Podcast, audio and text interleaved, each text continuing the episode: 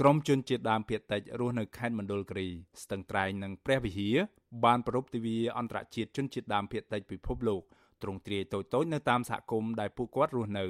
ដោយពុំបានជួបជុំមនុស្សច្រើននោះទេ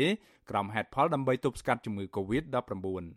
លើសពីនេះការប្រពៃទិវានៅឆ្នាំនេះប្រជាសហគមន៍បានសែនព្រេនតិចតួចដោយពុំបាននាំគ្នាដើរដង្ហែក្បួនដូចឆ្នាំមុនមុននោះឡើយក៏ប៉ុន្តែក៏មានតំណាងជនជាតិដើមភាគតិចជាង200នាក់ បានជួបប្រជុំគ្នាពិភាក្សាតាមប្រព័ន្ធអនឡាញ Zoom ជាមួយស្ថាប័នជំនាញរបស់រដ្ឋាភិបាលស្ទើរតែពេញមួយថ្ងៃក្នុងថ្ងៃទី9ខែសីហាតំណាងសហគមន៍ជនជាតិដើមភាគតិចខេត្តមណ្ឌលគិរីលោកស្រីភ្លឹកភិរមឲ្យដឹងថានៅខេត្តមណ្ឌលគិរីសហគមន៍បាននាំគ្នាប្រពៃទិវានេះនៅ3កន្លែងផ្សេងៗគ្នាដែលមានមនុស្សចូលរួមតិចតួចប៉ុណ្ណោះដោយសារតែខ្លាចខុសបំរាមរបស់អាជ្ញាធររដ្ឋាភិបាលដើម្បីទប់ស្កាត់ជំងឺ Covid-19 លោកស្រីថ្លែងនៅក្នុងទិវានេះថាសូមឲ្យរដ្ឋាភិបាលពន្យាចុះបញ្ជីដីសមរភាពព្រោះអាជ្ញាធរបានយឺតយ៉ាវដោះស្រាយបញ្ហានេះដែលជាហេតុផ្ដល់ឱកាសឲ្យក្រុមអ្នកមានលុយមានអំណាចលបធ្វើប្លង់កម្មសិទ្ធិប៉ះចំដីដែលប្រជាសហគមន៍ស្នើសុំចុះបញ្ជី បង្កើតឲ្យមានទំនាស់ជាច្រើនកន្លែង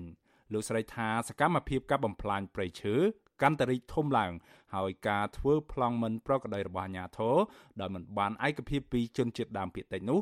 បានរំខានដល់សកម្មភាពចុះបញ្ជីដីសមរភាពនិងរំលោភយកដីព្រៃសាធារណៈរបស់រដ្ឋអញ្ចឹងខ្ញុំចង់ឲ្យរដ្ឋាភិបាលពង្រឹងស្ថាប័នរបស់អ្នកពាក់ព័ន្ធនឹងទាំងក្រសួងទាំងមន្ទីរ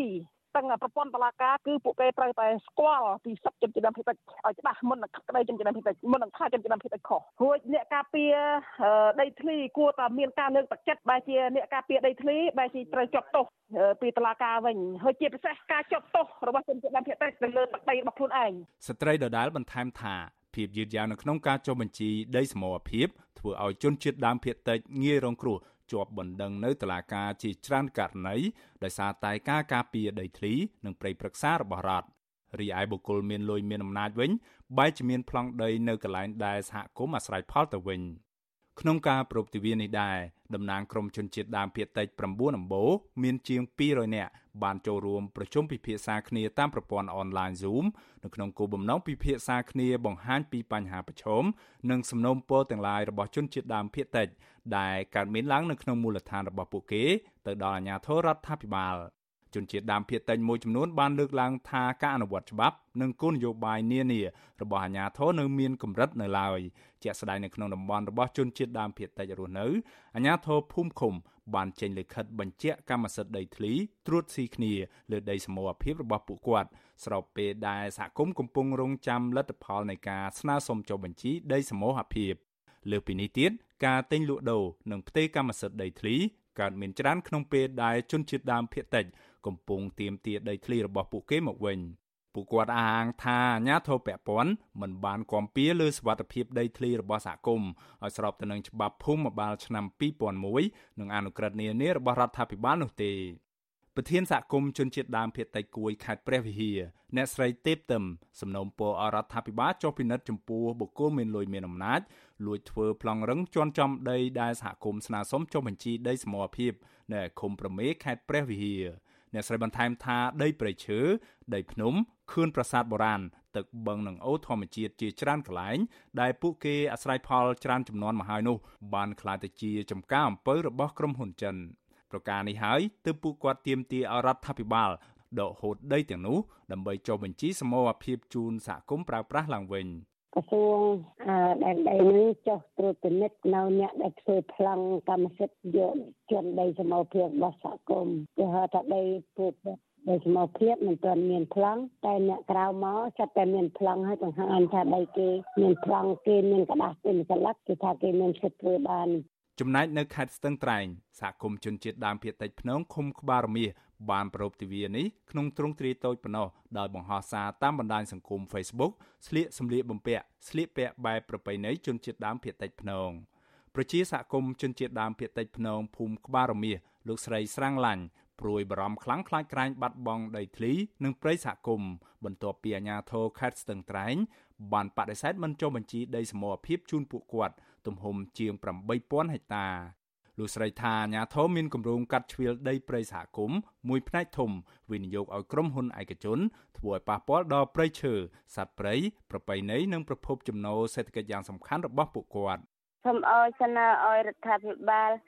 រកនីតិវិធីដោះស្រាយដីសមូហភាពជំនឿដើមភេតិចដែលកំពុងទន្ទាចុះវិជីដីនេះជូនប្រជាពលរដ្ឋដែលកំពុងទន្ទារាល់ថ្ងៃនេះចា៎តកតងនឹងករណីនេះអនុប្រធាននាយកដ្ឋានកិច្ចការសមាគមនិងកិច្ចការនយោបាយនៃក្រសួងមហាផ្ទៃលោកអំវាសនាថ្លែងនៅក្នុងកិច្ចពិភាក្សាតាមប្រព័ន្ធអនឡាញ Zoom ថា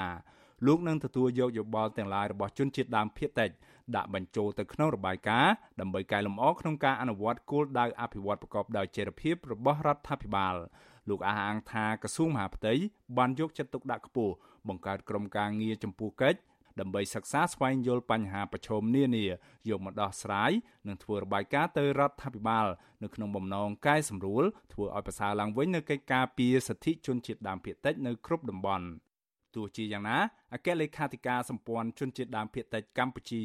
លោកយុនលរងទាមទារឲ្យរដ្ឋាភិបាលគិតគូរឡើងវិញ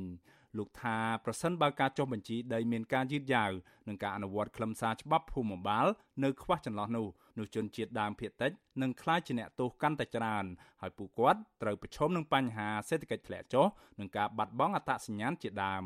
លោកស្នើឲ្យរដ្ឋាភិបាលត្រូវអនុវត្តយន្តការចុះបញ្ជីដីសមរភាពជាអតិភិបនិងត្រូវមានភាពច្បាស់លាស់នៅក្នុងការជូនដំណឹងពិគ្រោះយោបល់និងការចូលរួមដែលមានការឯកភាពពីជនជាតិដើមភាគតិចនៅក្នុងនីតិវិធីចុះបញ្ជីដីសមូហភាពនេះ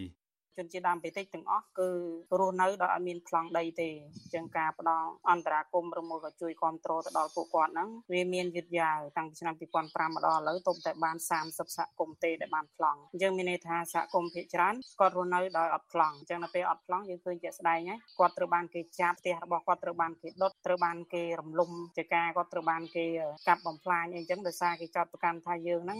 រំលោភដីរដ្ឋអញ្ចឹងណា នៅកម្ពុជា មានជនជាតិដើមភាគតិច24អំបូរដែលកំពុងរស់នៅក្នុងខេត្តចំនួន11ហើយខេត្តដែលមានជនជាតិដើមភាគតិចរស់នៅច្រើនជាងគេបង្អស់គឺនៅខេត្តរតនគិរីព្រះវិហារក្រចេះមណ្ឌលគិរីស្ទឹងត្រែងពោធិ៍សាត់កំពង់ស្ពឺកំពង់ធំនិងខេត្តកោះកុងរបាយការណ៍របស់ក្រសួងផែនការបង្ហាញថាជនជាតិដើមភាគតិចគួយជាអំបូរជនជាតិដើមភាគតិចច្រើនជាងគេលំដាប់ថ្នាក់លេខ3នៅកម្ពុជា ហើយបច្ចុប្បន្នពួកគេកំពុងរស់នៅក្នុងខេត្តព្រះវិហារស្ទឹងត្រែងសៀមរាប និងខេត្តកំពង់ធំខ្ញុំបាទមេរិត Visual C ស្រីរាយការណ៍ពីរដ្ឋធានី Washington